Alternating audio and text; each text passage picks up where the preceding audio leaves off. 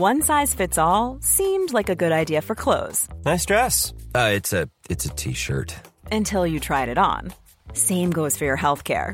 That's why United Healthcare offers a variety of flexible, budget friendly coverage for medical, vision, dental, and more. So, whether you're between jobs, coming off a parent's plan, or even missed open enrollment, you can find the plan that fits you best. Find out more about United Healthcare coverage at uh1.com. That's uh1.com.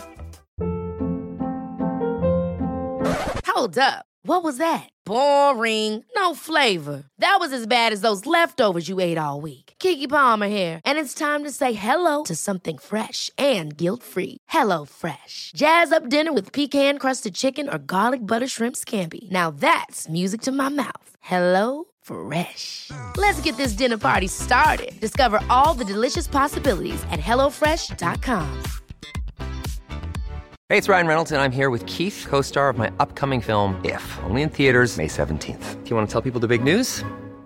All right, I'll do it. Sign up now and you'll get unlimited for $15 a month in six months of Paramount Plus Essential Plan on us. Mintmobile.com slash switch. Upfront payment of $45 equivalent to $15 per month. Unlimited over 40 gigabytes per month. Face lower speeds. Videos at 480p. Active Mint customers by 531.24 get six months of Paramount Plus Essential Plan. Auto renews after six months. Offer ends May 31st, 2024. Separate Paramount Plus registration required. Terms and conditions apply if rated PG.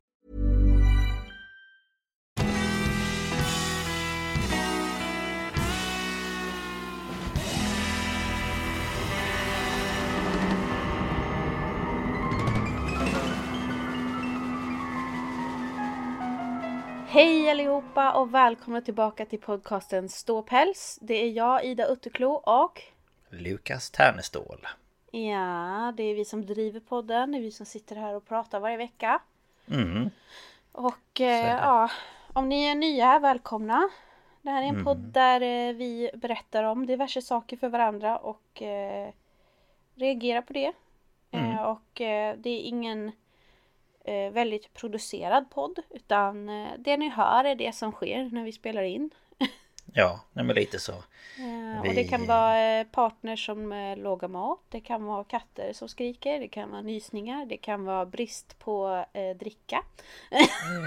Ja, det kan vara hörlurar som lägger av. Det kan Mm. vara eh, allt möjligt för att vi... Något som, något som inte har hänt på länge dock är att eh, telefonerna bara, nu ska inte ni prata längre. Ja, men just ja, för det var ju ett tag då de la av konstant. Men då har jag Ja. faktiskt fått klippa lite för då är det så här tysta i några minuter och någon försöker ringa upp den andra och tutar det upp taget och så bara Ja gud!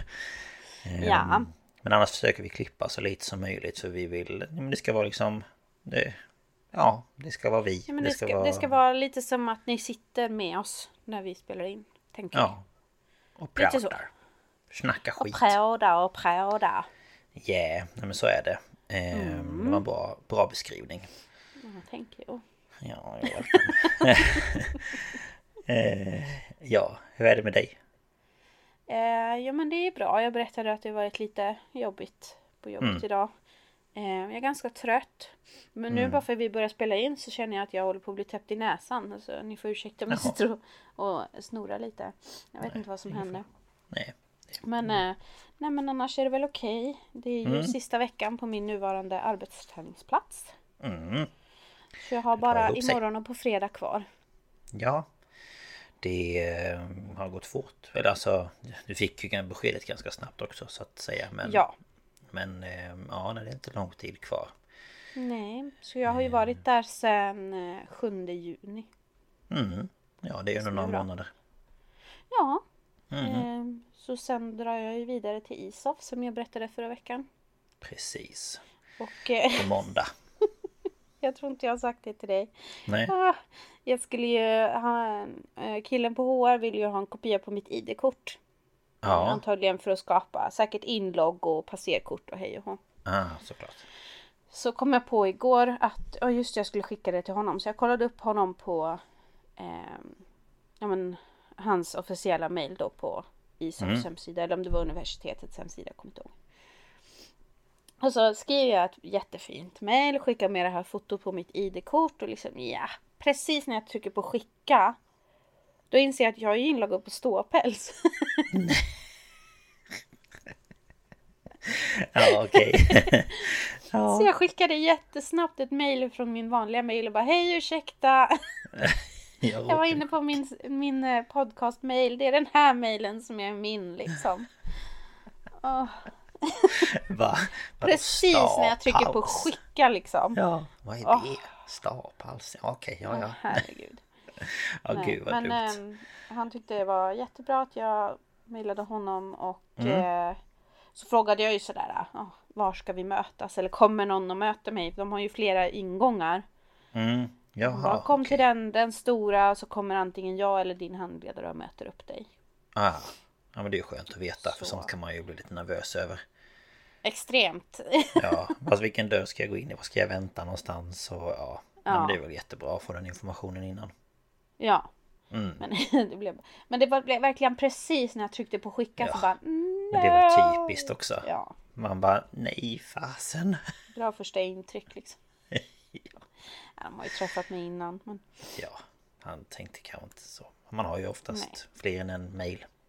Ja men i och med att jag rättade det på en gång och liksom gud förlåt sådär. Mm. Ja, Ja. det, det har nog Det hänt var de flesta. roligt. Ja, verkligen. Det var lite roligt. Ja, det blir lite roligt. Hur är det med dig? Nej, jo, det är väl bra. Ehm, Jag hade medarbetssamtal idag på jobbet.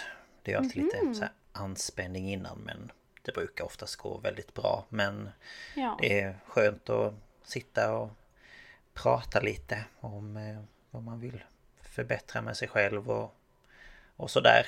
Ehm, Så att, ehm, nej, det, det var ett trevligt samtal eh, som vi hade. Eh, Men sen så vid lunch så, som jag sa till dig, så fick jag så fruktansvärt ont i magen. Ehm, Så jag vet inte, för att jag, jag är ju laktosintolerant och eh, kocken på jobbet vet ju om det. Så att om jag hade ätit fel mat så borde jag ju ha märkt det. För jag skulle i så fall fått en egen matbytta liksom. Eller karott. Fick jag inte. Så jag antar att det inte var det. Men sen har jag ju en mage som är katastrof. Ehm, så att jag ehm, typ kallsvettades för att jag hade så ont i magen. Och mådde Det är lite- fruktansvärt att få så på jobbet. Ja, men jag var ju ensam för min kollega hade gått på rast. Så jag bara, okej, eh, hon kommer tillbaka om 10 minuter. Kan jag liksom... Kommer det gå över? Eller vad ska jag göra? Och så kände jag typ så här, jag inte kunde röra mig.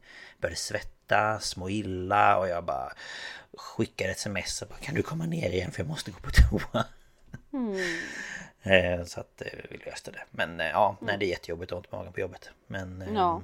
ja. Huvudvärk och ont i magen, det är fan det värsta man kan ha på jobbet. Ja, det, ja faktiskt. Det, allt annat kan jag stå ut med men inte det. Nej. Ehm, så att... ehm, men ja, nej, jag blir lite trött efter det. Ehm, När magen är lite i uppror. Ehm, Men eh, nej, men det rullar väl på. Känns som att den här veckan går ganska snabbt. Det är snart helg igen. Ja, precis. Så mm, ja. Ja, nej, jag kan inte klaga egentligen. Så är Men vi är det. svenskar så vi gör det ändå.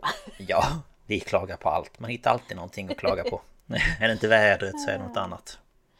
Vänta ni ska ni få höra någon som kommer klaga på tågen så småningom. Ja, det, det kommer... Än så vara- länge, just nu har jag ju bara åkt tåg 10 minuter varje dag. Mm. Sen blir det ju en Eh, halvtimme. Sen blir det ju närmare en halvtimme och det blir eh, söderut som är den värre sträckan ner mot Uppsala. Ja, det är ju det. Den brukar ju alltid krångla. Och det är så jävla jobbigt när man ska hålla på med ersättningsbussar och... Man bara... Men eh, på, månaderna, på månaderna tror jag det kommer gå hyfsat bra för där går de en gång i halvtimmen. Det som är surt är ju att jag kommer ju sluta 12. Och tåget Mm. Just går ju ja. 12 och 12. Och jag hinner ju aldrig ner förbi slottet och Nej. ner till tåget på 12 minuter. Och istället då som om MTR hade haft halvtimmestrafiken hade det gått ett 12.42. Mhm. Men det gör det Det inte. är icke. Så jag kommer åka hem 13 och 12. Ja, gud vad drygt. Mm. Jaha, ja, det lär ju inte behöva stressa till stationen i varje fall. Nej, Du får gå en sväng genom stadsträdgården och titta Ja, på vattnet. Nej men jag vet inte. titta på Det- A-lagarna där de sitter där. Ja. Nej, men Nej. Det, det, det känns väl lite sådär. Men eh, ja, Ja, för 12 minuter, det går ju inte... Alltså även om du skulle ta bussen skulle du inte hinna. nej. Så att det spelar ingen roll. Nej, nej, alltså det, då, måste, då måste man nästan jobba typ tvärs över vägen. Känns det som. Ja, typ. Ja, så är det. Mm, ehm, men ehm, som ni vet så är det ju min tur att berätta någonting den här veckan. Och jag Ja, det kanske sagt- vi ska bara förklara också att eh, förr så hade vi ju att båda tog ett, ett ämne mm, och berättade om varje vecka. Men vi tyckte att det blev för långt. Så vi gjorde om. Och om ni undrar så här, vems vecka är det nu? Den som säger hej är den som inte kommer ta den längre biten varje avsnitt. Så eftersom jag sa hej Precis. idag så är det Lukas vecka. Mm, precis. Vi tänkte det för att då får man liksom prata lite i varje fall när man, när man inte ska hålla i, i fallet. Ehm, och sådär. Ehm, Så att så är det upplagt. Och eh, jag har inte sagt vad jag ska prata om i det här avsnittet. Men det är eh, om eh, stalkers. Eller en, ja, en person som blir stakad. Eller som Lotta Bromé sa när hon jobbade på P4. Stalker. Stalker. Det här med Det stalkers. Alltså jag kollade, jag sökte ut på, på Youtube så sökte jag typ så här stalker, så här cases eller stalker bla bla bla. Och då kom det ju upp att det har ju funnits ett program här i Sverige som hette typ Stalker. Jaha. Som gick typ, ja, säkert på 90-talet eller någonting. Så var det typ så här säsong 8 avsnitt bla bla bla. Men jag orkade inte kolla på det. Men då var det typ så här med olika typ Sven, alltså fall, fall från Sverige eller så här typ personer som hade blivit typ stakade. Av någon. Jaha. Så att, ja. Jag visste inte att det hade funnits. Inte jag heller. Nej. Stalking. Stalkad. Eh, men eh, ja, jag tänker vi kanske ska hoppa in i detta. Ja.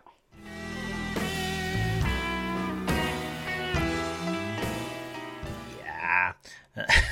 Gud, det lät sjukt. Ja. Eh, ja, nej men jag ska ju då prata om eh, Laura Black. Eh, som då eh, blev stakad av en man i fyra år. Åh jävlar. Ja, så det är ett tag.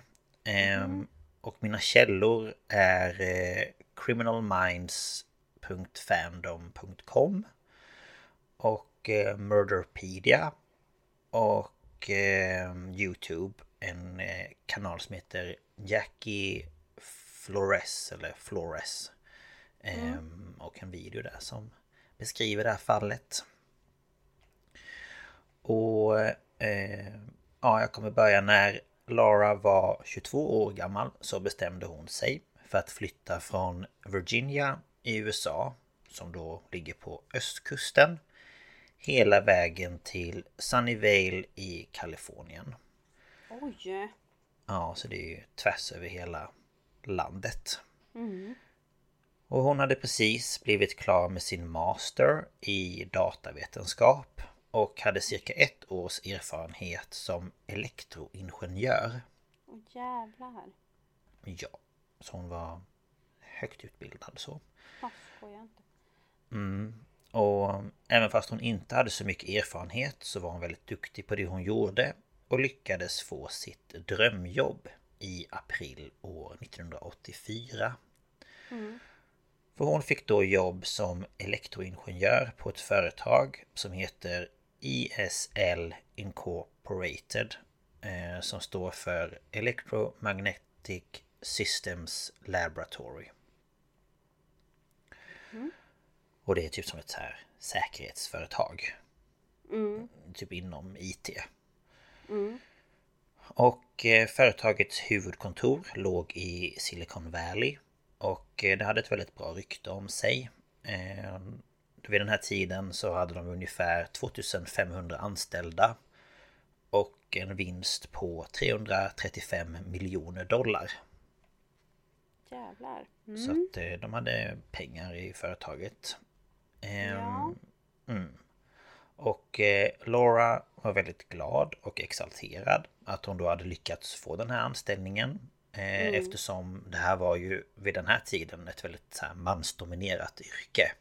Ja, gud. Det är nog ganska så fortfarande tror jag, även om det är bättre. Ja, jag tror också att det är ju självklart mycket bättre men att det kanske, ja, kanske fortfarande är lite så. Att det är mer män som, som väljer sådana här yrken men jag tror att det ändå har blivit lite mer jämställt. Jag tror det, men ändå. Hon är ju väldigt trailblazing kan man väl säga. Ja, det tycker jag. Ehm, ja men så att hon packade ihop alla sina tillhörigheter och flyttade dit. Ehm, och under hennes första dag på arbetet så fick hon en rundtur av byggnaden. Och eh, introducerades då till alla ja, men hennes nya arbetskamrater. Och under den här rundturen så introducerades hon till en man vid namn Richard Wade Farley. Och eh, han var datortekniker och han hade arbetat vid ISL i ungefär nio år. Och eh, hans arbetskamrater beskrev honom som väldigt hårt arbetande och var väldigt ja, men, artig och han var men, så här, liksom, överlag en väldigt trevlig kille enligt, enligt de som han jobbade tillsammans med. Och ehm, ehm, han då, Richard, eh, han föddes i Texas eh, och han var äldst av sex barn. Ehm, och hans pappa var militär. Och det här resulterade då i att familjen flyttade ofta. Ehm, Man gör ju oftast det när man är inom militären. Ja, för man får ju bo på baser och så får man ju annan Ja, eh, tjänstgöringsort och Precis. Ehm, Så det tog en ta ett tag liksom innan de till slut bosatte sig i Kalifornien. Och efter sin examen från gymnasiet 1966 eh, och efter att han hade gått på Santa Rosa Community College i mindre än ett år så gick Farley med i US Navy eh, runt 1967 och stannade där i 10 år. oj, ja. Ja. Och efter att han sen hade blivit utskriven från eh, ja, flottan då, eh, från militären så fick han jobb som mjukvarutekniker på ISL. Eh, och sen hade han jobbat där sen dess liksom. Ehm, och som sagt så träffade Laura honom första dagen på arbetet och ja, men hon hälsade på honom och var liksom ja, men trevlig som hon var mot alla andra som hon träffade den Man är ju dagen. ny liksom, då gör man ju inget Nej, nej men precis. större väsen av sig. Nej, precis. Eh, Men efter att de hade hälsat på varandra så ja, fortsatte hon med sin dag som, som vanligt och tänkte inte mer på, på honom. Eh, Men däremot för Richard så var det tvärtom. Eh, För han har berättat att så fort han såg Laura så blev han alltså stört kär i henne. Åh nej. Eller ja, Eh, Ja, så. Men nej, ja, nej men det var liksom head over heels. Alltså det var wow, vilken, vilken kvinna liksom. Och eh, det finns uppgifter som säger att när Lara arbetat på ISL i en månad så gick hon ut och åt med en kollega och med Richard. Och eh, det här var bara en, en liksom vänskaplig lunch och alla betalade för sin egen mat. Och det här var även den enda gången som Laura träffade Richard utanför arbetet. Men den här liksom lunchen för honom var liksom så mycket mer än bara liksom en, en eh, ja, men lunch med sina kollegor. okej. Och ehm, eftersom Laura som jag sagt eh, flyttat tvärs över landet så låg ju hennes fokus men på att komma in i arbetet och hon ville göra sig så här, hemmastad i sin nya lägenhet. Och hon skaffade ett gymkort på Nautilus, eh, ett gym i eh, Sunnyvale. Där hon då deltog i sådana här aerobicsklasser. Ehm, Och förutom det så gick hon med i företagets softball-lag. Jösses. Ja. Hon anordnade en cykelklubb på jobbet. Ehm, och om inte det här vore nog så fortsatte hon sina studier vid Santa Clara University. Men shit, ja hon eh, Så hittar på grejer så att säga. ja, så hon var ju inte liksom sysslolös om man säger så. Nej. Ehm, och men hon ville liksom just så lägga fokuset på att komma in i rutinerna och sådär. Mm. Och ehm, efter att Laura och den här kollegan och Richard gått ut och ätit den här lunchen så bestämde sig Richard för att fråga Laura om hon ville gå på en dejt. Och det här tackade då Laura vänligt men bestämt nej till. Eh, då hon ville att deras relation skulle vara professionell. Mm. Inget, inget konstigt. Nej, verkligen inte. Eh, sen var hon heller inte så intresserad av att dejta någon som var dubbelt så gammal som henne. För som jag sa så var ju Laura 22 och Richard var runt sju- eh, 70, nej 40. Nu ska vi inte överdriva Nej. Lukas. nej, förlåt. Eh, eh, Det var inte meningen. Eh, nej men 40. 40 år. Mm. Ja, så ja. Ehm, men Richard tänkte dock inte gå med på att hon tackade nej. Ehm, så istället för att låta henne vara i fred så började han lämna gåvor och kort på hennes skrivbord. Och en dag eh, Eh, ska han till och med gått in på hennes kontor och gett henne bröd som han själv hade bakat hemma. Japp. Och eh, han brukade även gå förbi hennes kontor flera gånger om dagen för att fråga henne vad hon gjorde. Och förutom att gå dit så brukade han även ringa till hennes telefon flera gånger om dagen. Eh, så det var liksom väldigt mycket eh, Ja men för att hålla koll på vad hon gjorde. Mm. Och efter ett tag så började Richard även trakassera henne utanför arbetet. Ehm, för en dag när hon var på gymmet och deltog i en av de här aerobicsklasserna så ska Richard plötsligt dykt upp eh, och varit med under det här passet. Och Laura hade ju aldrig berättat för honom att hon tränade och heller inte vilket gym som hon brukade gå till. Nej. Vilket förmodligen då betyder att Richard följt henne hem och alltså efter jobbet och på så vis lärt sig hennes rutiner. Ehm, och eh, Richard verkade inte bry sig om att han trakasserade Lara framför de andra arbetskamraterna. Och han brukade ofta dyka upp under träningarna eh, och matcherna inom det här softballlaget som de då deltog i. Och där kunde han då fråga eh, om hon ville gå på en dejt och bara stå och prata med henne och han tog med sig gåvor även dit och brev och ja, allt möjligt liksom. Men hon fortsatt, fortsatte ju då svara eh, nej på hon ville liksom inte gå på någon dejt. Eh, Men eh, han brydde sig inte om det.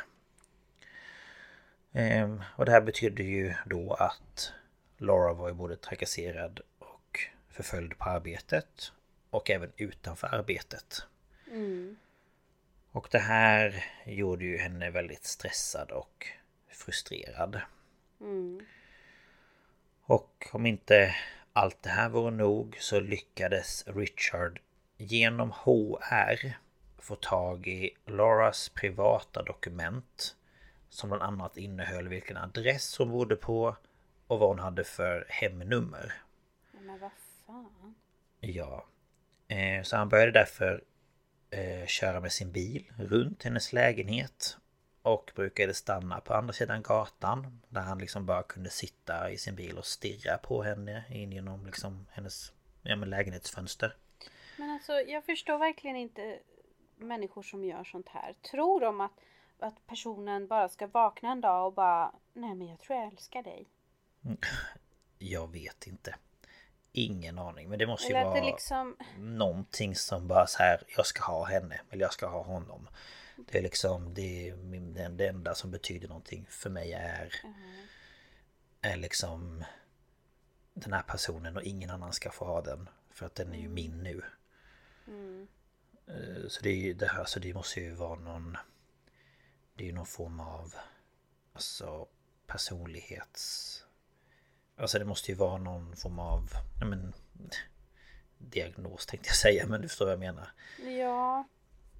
Att man liksom... Vad heter det när man är...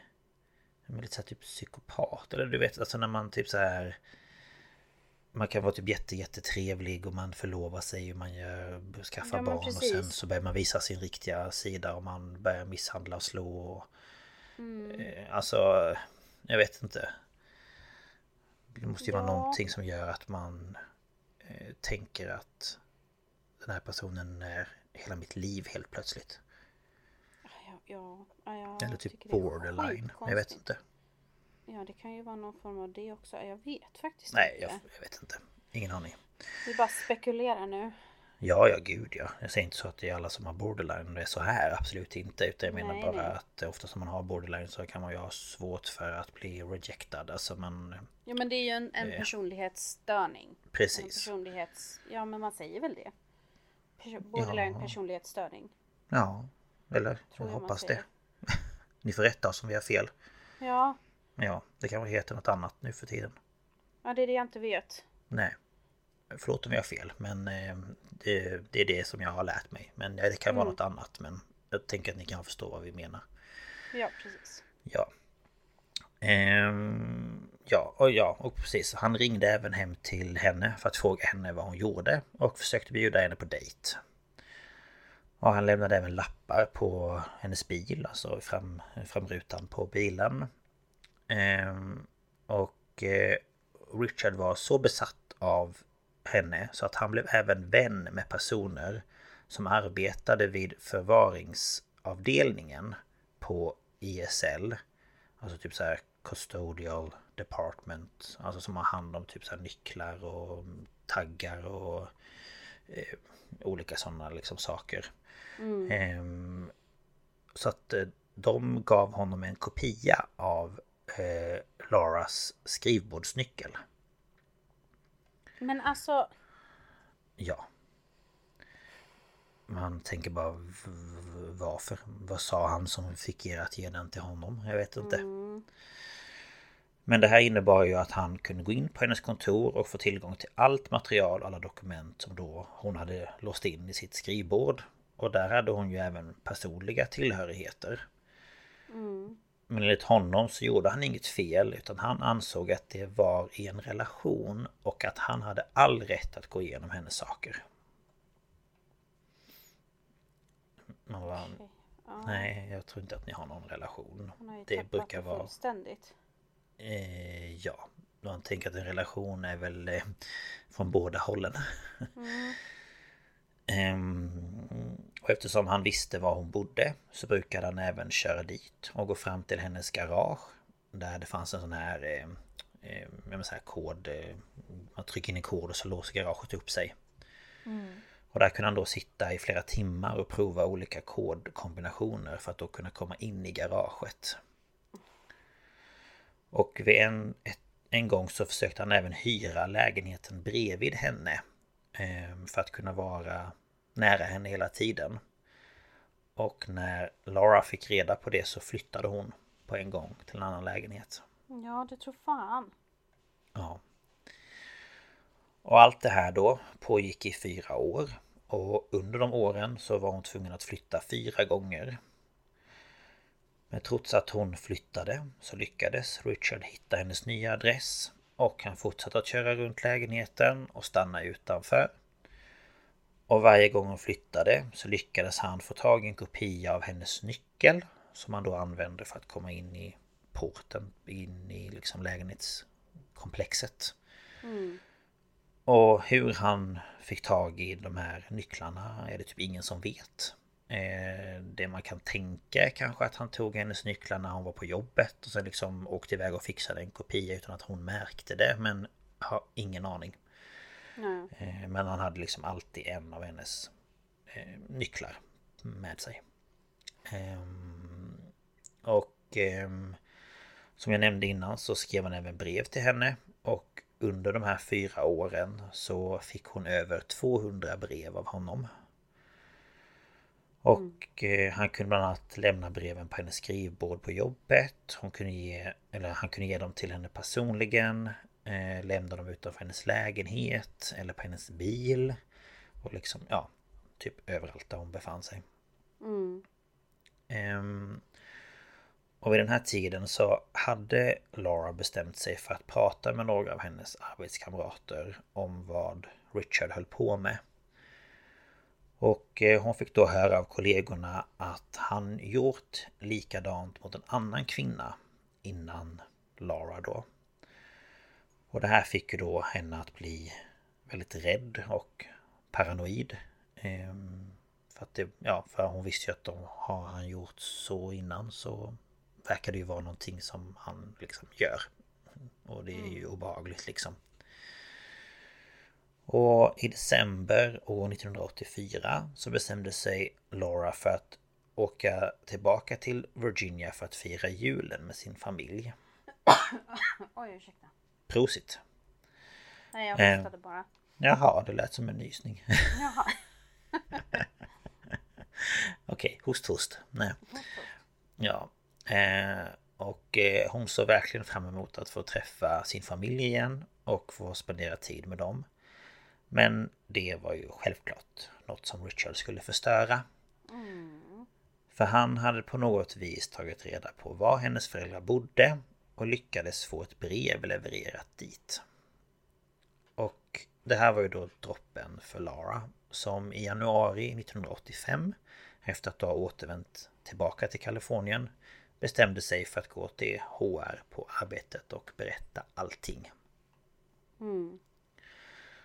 Och eh, efter att de fått reda på allt som Richard gjort mot henne så beordrade de honom att han var tvungen att gå i terapi för det här som han liksom höll på med. Och de pratade med honom och eh, han sa att han skulle delta i den här terapin och att han skulle sluta trakassera Laura. Och han började gå i den här terapin men han slutade självklart inte trakassera henne. För han fortsatte ringa henne, åka hem till henne, fråga ut henne på dejter och så vidare. Så det innebar ju att terapin inte riktigt fungerade som det var tänkt. Nej. Och eh, i oktober 1985 så pratade en person från HR-avdelningen med Richard om hans beteende igen. Och han lovade återigen att sluta trakassera henne. Men två månader senare så började han igen. Och eh, nu hade lite av de här liksom kärleksfulla liksom breven och liksom så övergått till att han började skicka lite hotfulla brev till Laura istället. Där han berättade att han skulle komma till hennes lägenhet och att han skulle ta sig in Alltså in i hennes lägenhet. Och han lämnade ett paket på hennes bil som innehöll nyckeln till hennes lägenhet. Så hon fattade ju att han har ju haft en nyckel på sig hela tiden liksom. Och eh, det här gjorde då att Laura vände sig till HR igen och berättade även de här grejerna. Och de satte sig ner med Richard igen och pratade om hans beteende.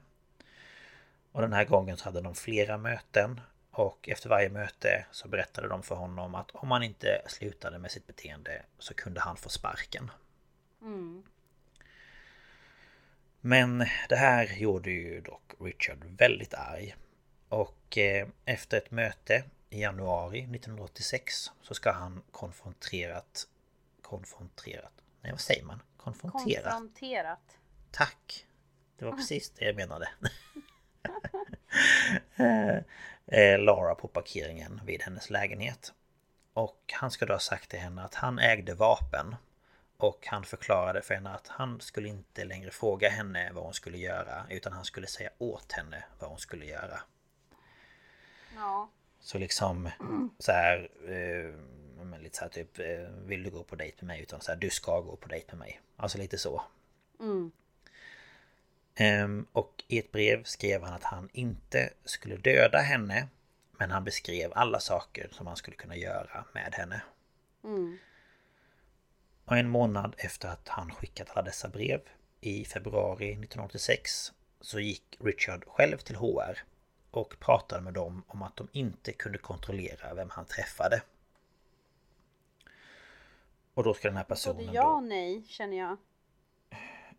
Nej men precis. Alltså han, de kan ju inte kontrollera vem han träffar. Men det de svarade på det här det var att sexuella trakasserier är olagligt och om han inte slutar med det skulle han få sparken.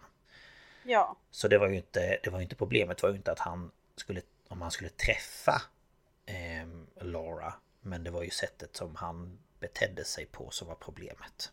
Ja, precis. Men han menade ju på att ni ska strunta i vem jag träffar för att det har inte ni med någonting att göra. Medan de menar på att jo det har vi med att göra för att det här är fel liksom.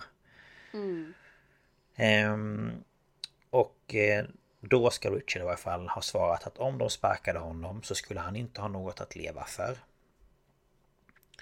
Han ska också ha sagt att han hade vapen och han var inte rädd för att använda dem.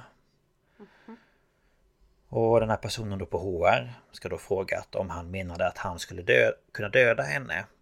Varpå han ska ha svarat att det skulle han kunna men han skulle döda fler personer samtidigt. Mm. Ehm, Ehm, så den här personen då ehm, på HR bestämde sig då för att gå till sin chef och berättade då att, ja, men att hon var rädd ehm, för vad han hade sagt till henne. Och eh, den här chefen då förklarade att hon inte längre behövde ha någon mer kontakt med Richard utan att en eh, man som då jobbade på HR också skulle sköta den här kontakten istället. För de tänkte väl lite så här att Ja men om det kommer från en man så kanske han tar det på ett annat sätt, jag vet inte. Men vissa män är ju sådär att de inte kan lyssna på kvinnor. Ja. Eh, ja. Ehm, och eh, en månad senare så träffade då den här nya personen från eh, HR, Richard. Och under mötet så berättade Richard att han var rädd att Laura skulle ansöka om besöksförbud mot honom. Och den här personen då förklarade att han måste sluta trakassera henne. Och att han då skulle få sparken om han inte mm, ja, slutade med det. Ja, precis. Och Richard skulle då ha sagt att om han fick ett beslut om besöksförbud skulle han inte veta hur han skulle reagera. Ehm, alltså, ja. ja. Det kan man ju tolka som man vill men ja. Ja. Ehm, och till slut i maj år 1986 efter att Richard fortsatt hota både Lara men även andra kollegor så beslutade ESL sig för att sparka Richard. Och det här gällde då på en gång så han fick ta sina saker och ja, lämna byggnaden omedelbart. Problemet nu var ju dock det att han hade ju all tid i världen att fortsätta trakassera Laura utanför arbetet. Och det innebar att han fortfarande dök upp på hennes gym och han dök fortfarande upp utanför hennes lägenhet. Och eh, han började även eh, köra till parkeringen utanför ISL.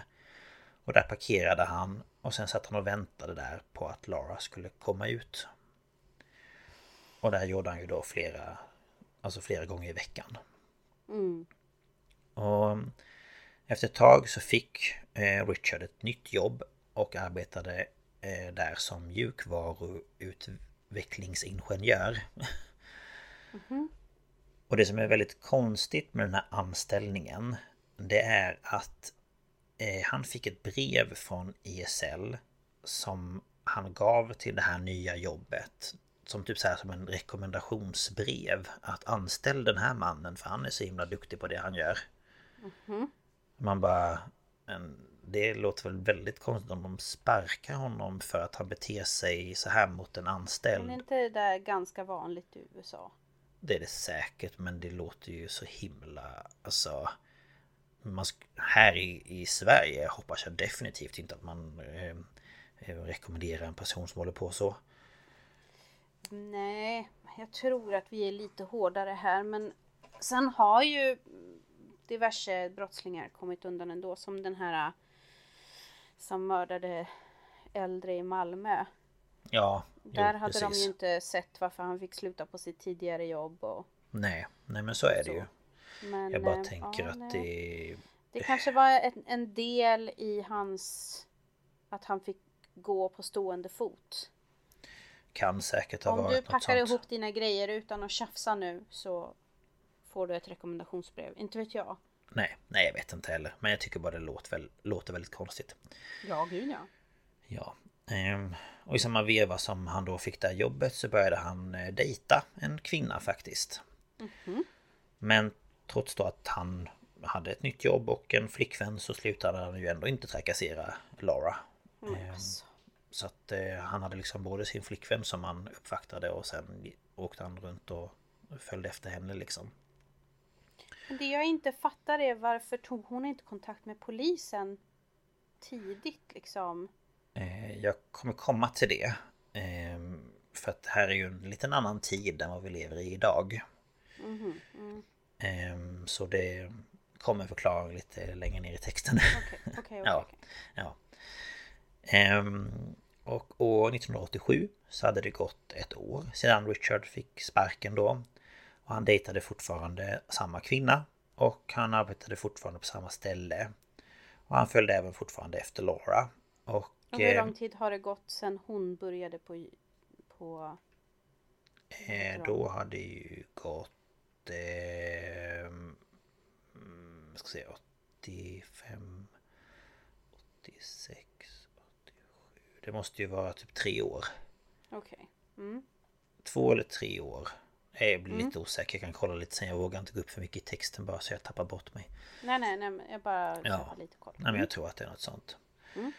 Eh, och vid ett tillfälle så träffade Richard en före detta kollega eh, vid namn eh, Thomas som arbetade vid ESL också. Och de gick ut och åt och pratade om livet liksom. Eh, Och under samtalet så berättade Richard att han var väldigt stressad då han var skyldig eh, IRS, vilket är den amerikanska federala skattemyndigheten. Mhm. Ja, mellan 25 och 30 000 dollar. Jävlar.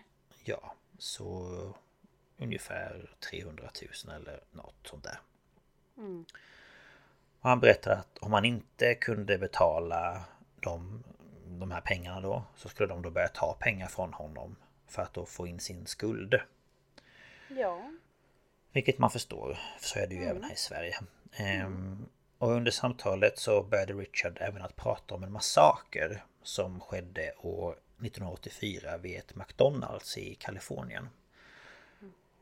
Och under den här massakern så dog 22 personer. Och och eh, under det här samtalet då så ska Richard även ha sagt att han undrar hur, eh, eller vad ISL skulle göra om han gjorde något sånt. Och eh, det som jag också tycker är lite märkligt är att det här var liksom ingenting som den här vännen Thomas reagerade på utan vad jag har förstått som så tog han det mer som ett skämt. Typ som att ja, det hade ju varit jättekonstigt. Nej men alltså eh, Ja men å andra Jag sidan hur inte. skulle man reagera själv? Skulle Ja, man verkligen ta det på allvar? Nej, jag vet inte heller faktiskt om man skulle göra det men det känns bara som att så här kommer liksom från tomma intet att så här just ja, det var en massaker bla bla bla undrar vad som skulle hänt om jag hade gjort det på mitt förra jobb. Jag vet inte. Jag vet inte. Det kanske man reagerar olika på. Ehm, och eh, en dag när Richard satt och väntade på parkeringen vid ESL ska en kollega till eh, Laura konfronterat honom och sagt att om han inte slutade följa efter henne så skulle han hamna i fängelse. Och det här reagerade Richard starkt på som blev väldigt arg och skrev ett brev till Laura där det stod att Laura skulle förklara för kollegan att han skulle sköta sitt och att han inte hade någon aning om vad han gav sig in i. Och det här gjorde då Laura vettskrämd. Ehm, Så i februari år 1988 så ansökte hon om tillfälligt besöksförbud mot Richard. Och för att eh, få igenom eller för att gå igenom vad det här innebar då och för att få den att gälla så bokade hon in ett besök hos domstolen den 17 februari. Och under det här besöket så skulle även då Richard delta för att ja, men veta vad han liksom fick och inte fick göra. Och inför besöket så eh, Alltså på domstolen så förklarade hon att hon varit rädd för vad Richard kommer göra om hon ansökte om ett besöksförbud. Och hon berättade att hon visste inte längre vad hon skulle ta sig till och att hon behövde rättens hjälp och polisens hjälp att få bort Richard ur hennes liv.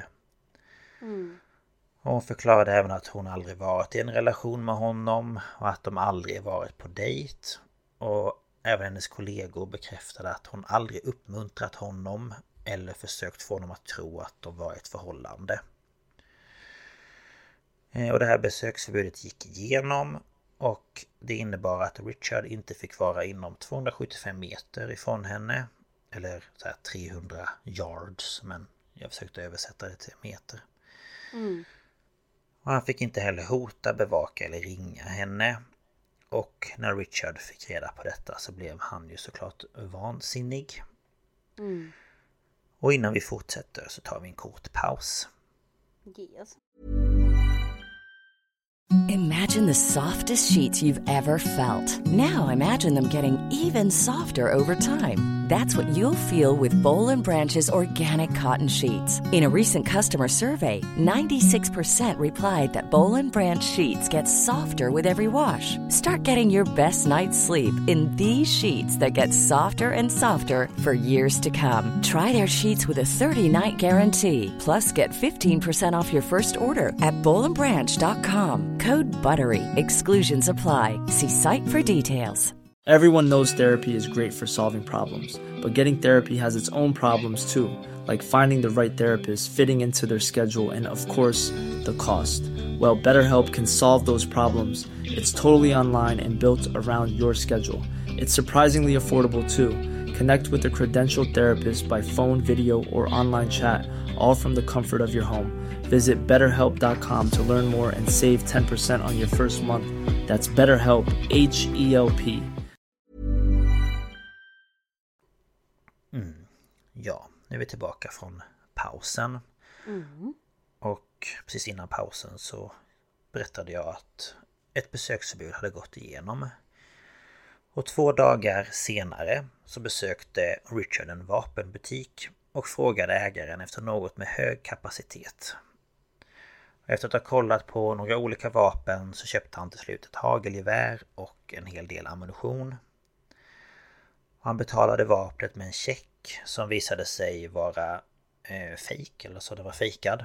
Eh, för att mm. han hade ju egentligen inga pengar till att köpa det här Nej. vapnet. Och den här Nej. checken studsade så att egentligen gick ju inte köpet igenom. Men det dröjde ju några dagar så att då hade han ju redan ja, vapnet. Mm. Så att ja. Och eh, han hyrde även en skjutbana och eh, efterfrågade där sex stycken sådana här targets, alltså mål, skjutmål. Alltså mm, ja. Mm. Så då skulle vara formade som ja, men människor eh, som man då skulle öva på. Och eh, dagen efter eh, så lämnar han av ett paket vid Lauras advokats kontor. Och i paketet fanns det ett brev som det stod att han hade haft ett långt förhållande med Lara. Eh, han hade bifogat kvitton som han menar att han bjudit henne liksom på middag och att han hade skrivit ut så dokument med telefonsamtal som de hade haft och ja, han försökte helt enkelt komma med bevis på att de hade haft ett förhållande. Eh, men hennes advokat trodde inte på detta utan tänkte att det här var bara lögn alltihopa. Mm. Vilket var skönt att de inte tog det på allvar men ja. Mm. Och eh, efter att Richard då köpt några till vapen, eh, lite mer ammunition eh, och skickat paketet så köpte han en husbil.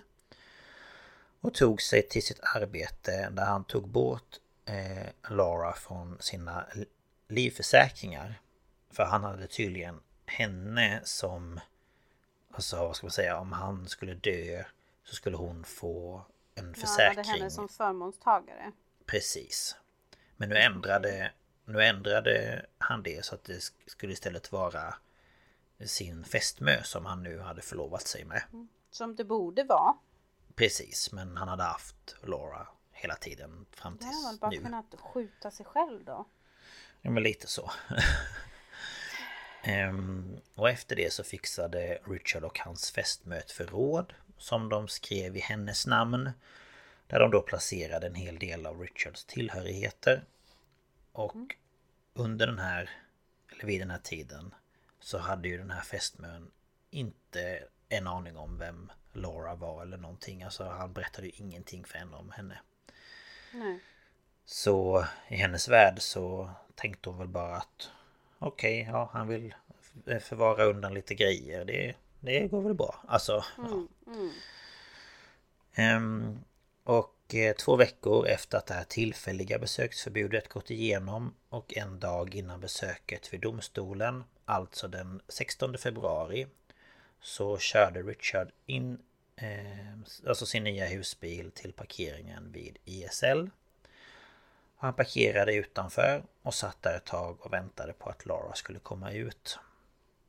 Och han har senare berättat att hans tanke var att han skulle gå fram till henne och be henne att inte fullfölja beslutet om besöksförbudet. Och om hon då skulle ha sagt nej så skulle han då ha skjutit sig själv eh, framför henne.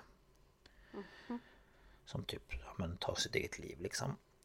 Ehm, Men han satt där och väntade och väntade Men Laura kom aldrig ut Så runt klockan 15 klev Richard ut från husbilen och började då gå mot entrén.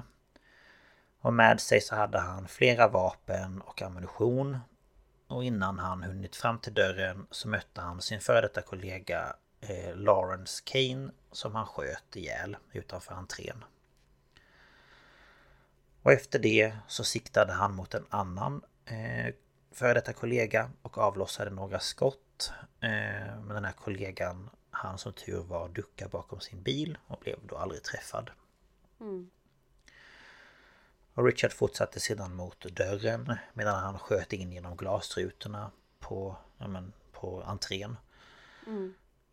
Och väl inne i byggnaden började han gå mot eh, Lauras eh, kontor som låg på andra våningen.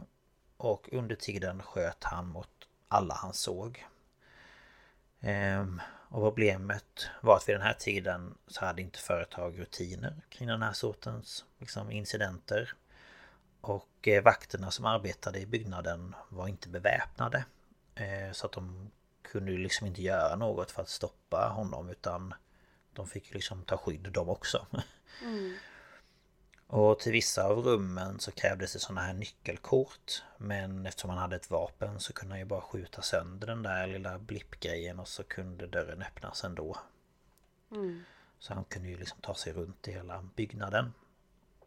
Och eh, på väg till eh, eh, Lauras kontor så sköt och dödade han två personer till.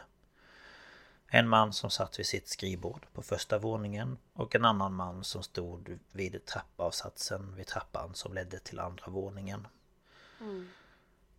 Och de här skotten då som Richard avlossade ekade genom byggnaden och eh, det var några personer som började inse vad som var på gång. Så, ja men alla började liksom så här ja, skrika och börja liksom så här, vi måste ut. Ehm, Så vissa personer sprang ut genom dörrar för att då ta sig ut ur byggnaden.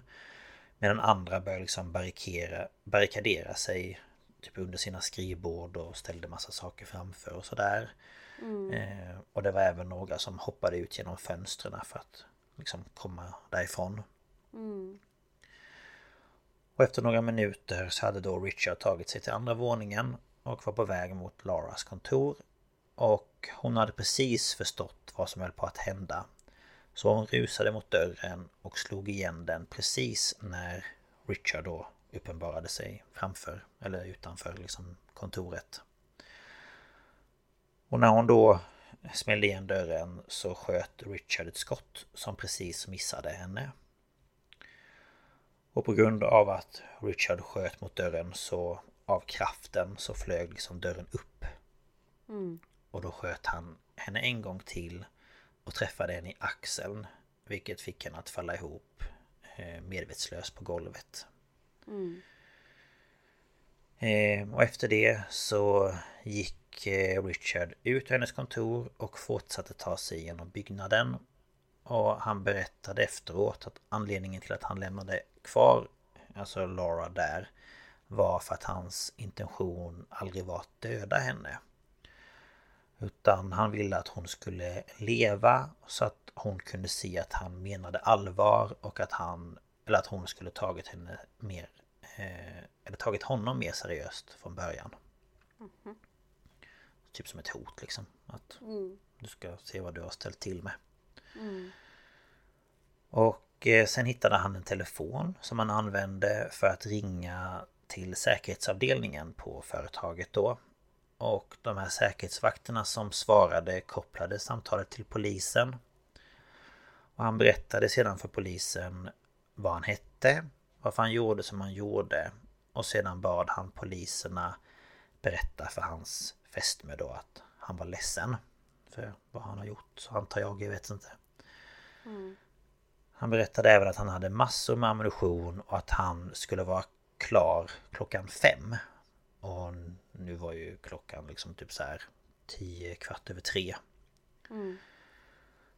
Och under samtalet med polisen så hade en kvinna vid namn Linda Walden som var en vän till Richard och hans tidigare så här, hyresvärdinna gömt sig under sitt skrivbord i närheten av där Richard stod. Så under samtalet gick han fram till skrivbordet och sa att det är någon här och att personen kunde komma fram. Så Linda kom fram och sen när han då såg vem det var så sa han åt henne att Nej men du kan gå. Mm. Man bara okej, ja, tack, schysst. Ehm, Så hon slapp undan. Mm. Ehm, Men Richard hade flera samtal med polisen och under tiden så gick han runt i byggnaden och sköt sönder utrustning och så sköt han mot alla människor som var kvar. Och under tiden så var Laura fortfarande på sitt kontor och fortfarande medvetslös. Och till slut så ska hon ha vaknat och försökt stoppa liksom ja men blödningen från axeln. Det blödde ju Mm. jättemycket. Och då insåg hon att Richard befann sig i kontoret bredvid hennes. Och hon visste att det rummet bara hade en dörr att ta sig ut. Men hennes hade två dörrar. Mm. Så hon bestämde sig då för att ta chansen och flydde då ut ur sitt rum. Och under tiden som hon då tog sig igenom byggnaden så hittade hon fler kollegor som gömde sig. Mm.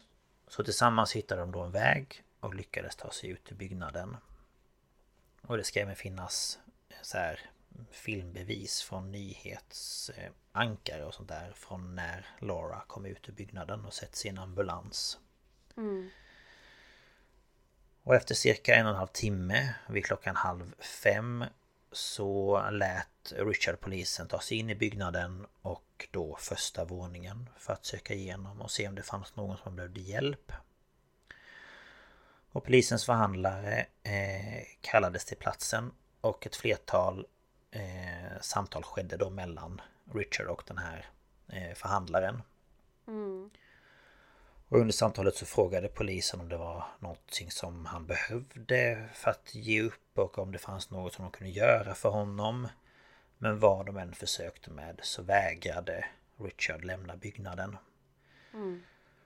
Och det var inte förrän fyra timmar senare, runt klockan halv nio på kvällen, som Richard ringde polismannen och sa att han skulle ge upp på ett villkor. Och det var att han skulle få en smörgås från en restaurang som hette Togos och en Diet Pepsi. Man bara okej. Okay. Japp. Och polisen gick då med på det och efter fem timmar gick Richard till slut ut ur byggnaden med händerna över huvudet. Mm. Och han togs då till fängelset och senare under kvällen så fick Richard sin smörgås och sin Pepsi. Och totalt så dödade Richard sju personer och skadade fyra. Mm. Och efter den här händelsen så var det många av offrens familjer som skyllde Laura för vad som hade hänt. Ja, Och det var en kvinna som gick ut i en intervju och menade på att hon aldrig skulle tolerera att en man höll på som han gjorde. Och att Laura skulle varit tydligare gentemot Richard. Och man bara... Mm. Man bara, men ursäkta, vänta här nu. Vad mer skulle hon ha gjort tycker hon då liksom? Ja men verkligen. Alltså hon gick ju till HR och hon, de hade möten efter möten. Hon alltså gjorde ett besöksförbud. Alltså Mm. det var ju och problemet vid den här tiden för du frågade mig innan varför gick hon inte till polisen? Det var att det var ju inte olagligt att staka någon. Nej men just det, det vet jag ju egentligen. Ja. Och Laura har själv sagt i en intervju att hade det varit olagligt så hade hon anmält honom för länge sedan. Alltså Ja. hon hade gjort det liksom i början. Jag vet, jag vet ju egentligen det men Ja. Nej, så att det fanns ju liksom ingen laglig grund att stå på. nej, det, det enda hon kunde göra var ju kontaktförbud eller besöksförbud. Precis. Ehm, och det var ju det hon också gjorde och det var ju då Mm. han snappade och bara så här nu ska jag döda alla. Nej men alltså Mm. Ehm, och hon menar också på att det såklart finns saker som hon kunde hanterat annorlunda men även mycket som företaget skulle kunna ha gjort. Eh, Jag tänker till exempel som att inte ge honom tillgång till eh, hennes privata mm, Ja, dokument det är och jättekonstigt att, de- att de gav honom sånt. Ja, liksom så här, ge honom nycklarna till hennes skrivbord och grejer. Men vad ska du med dem till? Alltså det är så mycket liksom... Och kanske eh, tagit till lite mer med hårdhandskarna. Att inte låtit det gå så många gånger utan kanske så här stängt av honom ett tag. Alltså någonting. Om inte de vill sparka honom på en gång så är det liksom, ja, men du har fått så här många chanser. Nu är det liksom nog. Ehm, men ja, och efter skjutningen så spenderade Laura 19 dagar på sjukhus. Där hon då återhämtade sig från de skador hon fick. Och hon fick ju då en allvarlig skada i axeln och eh, hennes ena lunga hade kollapsat. Och ehm, dagen efter skjutningen, alltså den 17 februari, då de då skulle träffats i domstolen, så skrev en domare på beslutet om ett permanent besöksförbud. Och i dokumentet så skrev domaren även, och det är ett citat på engelska, eh, Pieces of paper do not stop bullets. Vilket det i det här fallet inte gjorde. Ja, precis. Ehm, och trots då allt som hänt så skrev Richard ett sista brev från fängelset till Laura. Och i brevet stod det bland annat citat. När jag går till gaskammaren kommer jag le mot kamerorna och då kommer du veta att du vann i slutändan. Man bara japp, okej. Ehm, och under rättegången som då följde så erkände Richard sig skyldig till alla morden.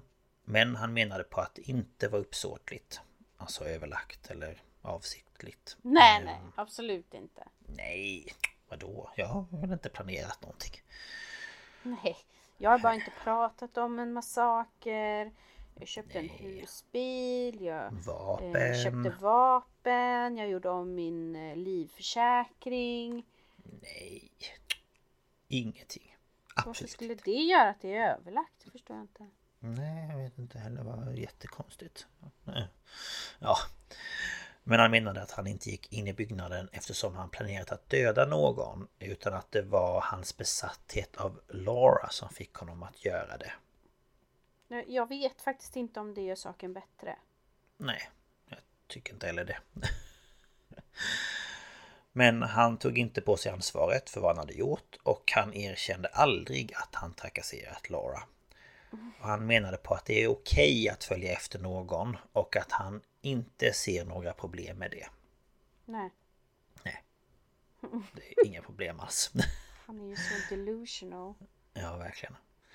Och under rättegången menade han även på att alla vittnena bara ljög och att han aldrig hotat med att döda någon.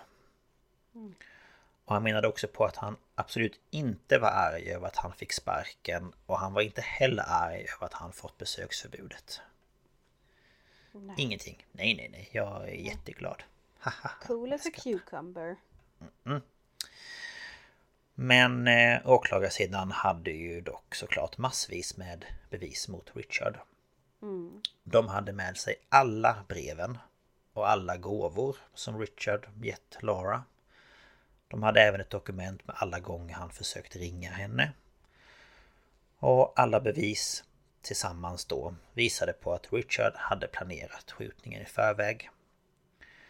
Och förutom det så vittnade Laura eh, i rättegången då och hon berättade om allt han gjort mot henne och hur han trakasserat henne i fyra år. Och hon visade även bilder på skadan som Richard orsakat henne när han då sköt henne i axeln. Och den 21 oktober 1991 så dömdes Richard för sju punkter av överlagt mord och dömdes i och med det till döden.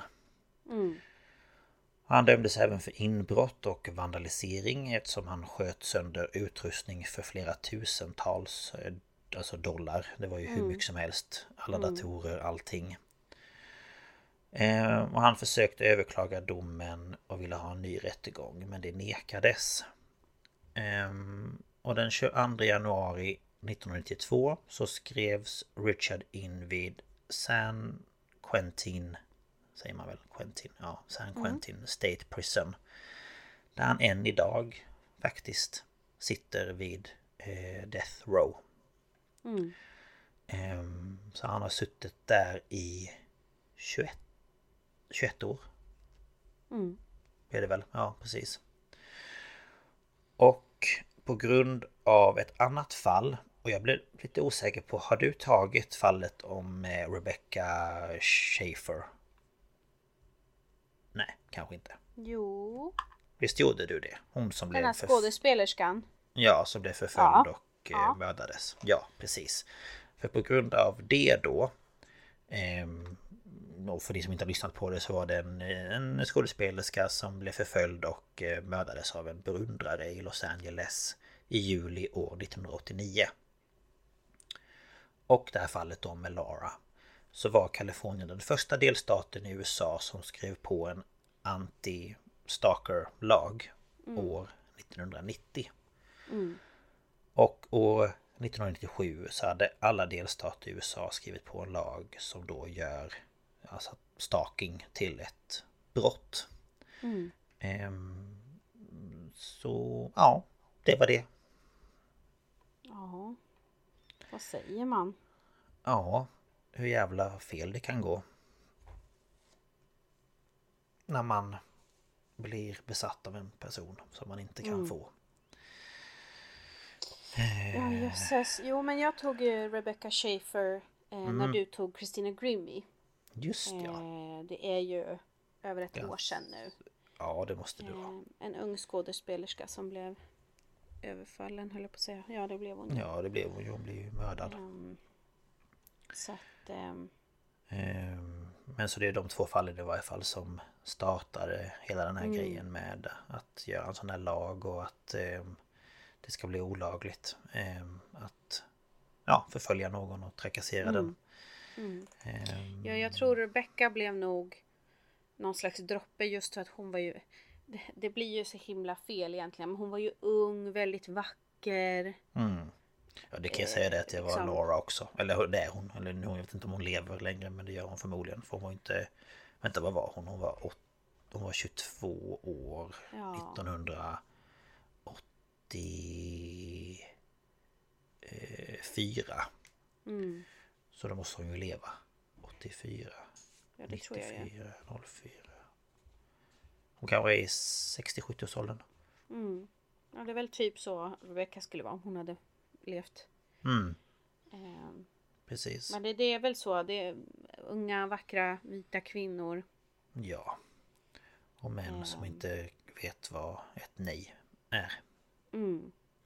För det finns ju andra kända sakinfall också. Bland annat en, Ja, gud ja. en annan eh, skådespelerska som hon överlevde i sin attack. Jag Ja, kommer inte ihåg vad hon hette. Men det var henne och Rebecca jag valde mellan. Och sen har vi ju sångerskan Selina. Mm, just Som ja. blev mördad av en stalker. Ja, sen finns det ju bara liksom så här kända, alltså... i liksom nutiden finns det ju också kändisar som har blivit stakade men som, som tur var har liksom klarat sig. Det Ja, var ju någon som bröt ju, eh, in på, var inte det Kim Kardashian?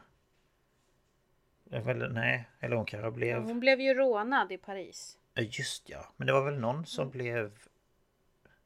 Ja... Var hemma och det bröt in och så fick ringa till polisen som kom dit och... Vem fan var det? Ja. Var inte det typ Lady Gaga? Kan ha varit.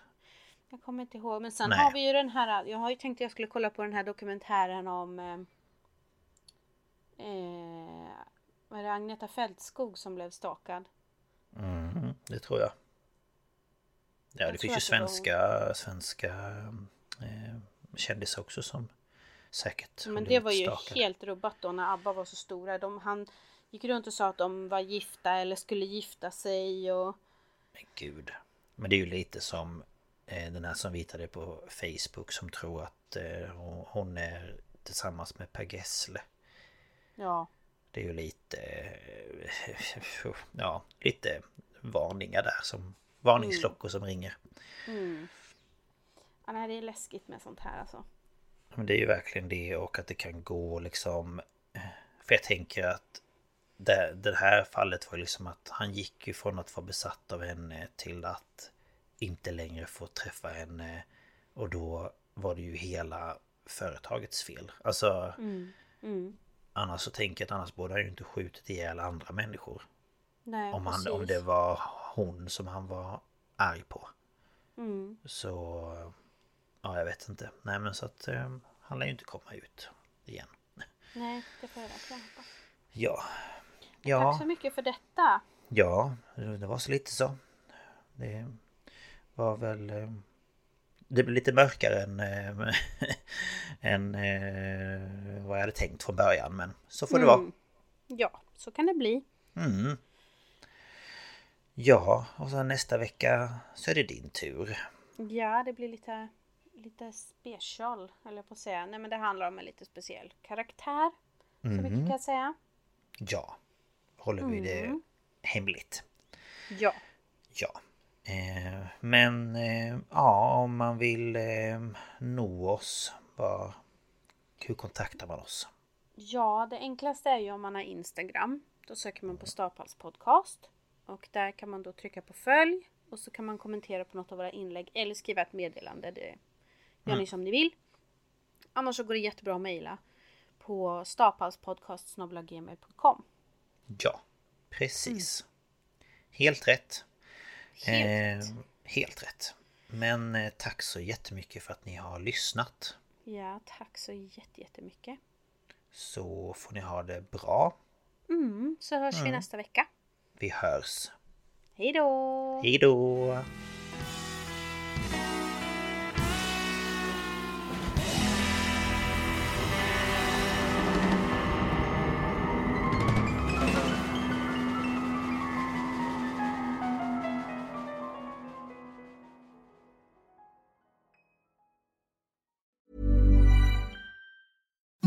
Catch the softest sheets you've ever felt. Now imagine them getting even softer over time. That's what you'll feel with Bowl and Branch's organic cotton sheets. In a recent customer survey, 96% replied that Bowl and Branch sheets get softer with every wash. Start getting your best night's sleep in these sheets that get softer and softer for years to come. Try their sheets with a 30-night guarantee. Plus, get 15% off your first order at bowlandbranch.com. Code BUTTERY. Exclusions apply. See site for details. Planning for your next trip? Elevate your travel style with Quince. Quince has all the jet setting essentials you'll want for your next getaway, like European linen, premium luggage options, buttery soft Italian leather bags, and so much more. And is all priced at 50 to 80% less than similar brands. Plus, Quince only works with factories that use safe and ethical manufacturing practices. Pack your bags with high-quality essentials you'll be wearing for vacations to come with Quince. Go to quince.com slash pack for free shipping and 365-day returns. Ever catch yourself eating the same flavorless dinner three days in a row? Dreaming of something better? Well, HelloFresh is your guilt-free dream come true, baby. It's me, Kiki Palmer. Let's wake up those taste buds with hot, juicy pecan crusted chicken or garlic butter shrimp scampi. Mm. Hello Fresh. Stop dreaming of all the delicious possibilities and dig in at HelloFresh.com. Let's get this dinner party started.